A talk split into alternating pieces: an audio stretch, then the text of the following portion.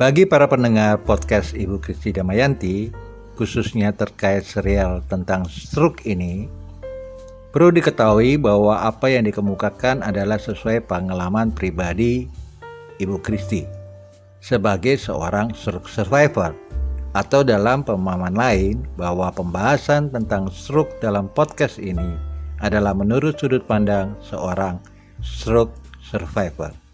Selamat mendengarkan. Broadman area.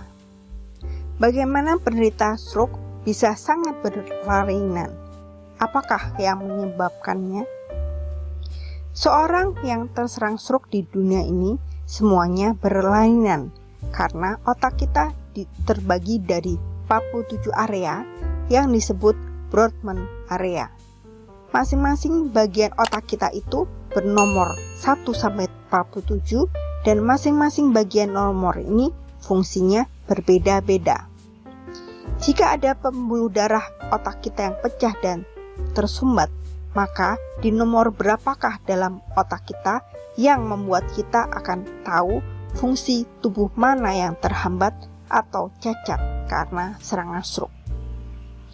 Ada yang depresi tingkat tinggi, ada yang sangat semangat seperti aku, ada yang selalu menangis dan selalu berteriak-teriak, dan ada pula yang banyak tersenyum atau tertawa. Dari referensi yang aku baca tentang Broadman area ini, aku tahu bahwa penyakit stroke ternyata memang berbeda tergantung otak bagian mana dan pembuluh darah otak mana yang pecah atau tersumbat, serta bagian mana otak yang terkena darah. Broadman area adalah pembagian otak kita, dibagi dalam 47 area yang masing-masing area merupakan masing-masing fungsi untuk menjalankan gerak seluruh tubuh. Aku memang bukan dokter.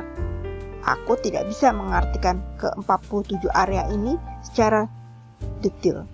Tetapi beberapa referensi kita bisa tahu otak nomor berapa itu ada di buku tentang Broadman area. Aku hanya ingin mengatakan bahwa memang banyak orang yang terserang stroke, tetapi semuanya berbeda satu sama lain. Pun ketika aku diserang stroke 10 tahun di Amerika, dokter-dokter di sana dan di Jakarta mengatakan bahwa belum ada pasien stroke seperti aku, bahwa dengan pemulihanku dan recovery yang cukup cepat, walaupun secara medis aku mungkin tidak bisa bangun lagi. Bahwa otakku yang diserang stroke, di mana pembuluh darah otakku pecah dan darah mengenangi area nomor 3, 5, 7, dan itu merupakan daerah sensorik dan motorik. Tetapi di daerah nomor 3, 5, 5, 7 terdapat daerah-daerah yang lain yang secara anatomis bahwa, bahwa tetap ada benang merahnya. Bahwa setiap lekukan bagian otak akan terkena dampak pecahnya pembuluh darah otakku. Menstimulasi yang membangkitkan perasaan perasaan yang dilukiskan sebagai rasa kesemutan atau baal atau perasaan seperti terkena senakan sen, sengatan listrik dan inilah yang aku alami sejak pertama kali sampai sekarang.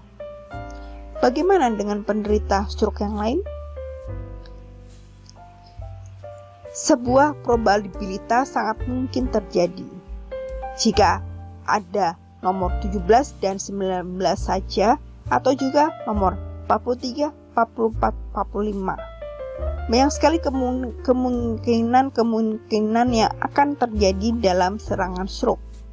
Pembuluh darah otak ada jutaan di otak kita dan kita tidak akan bisa tahu pembuluh darah otak mana yang pecah dan atau tersumbat.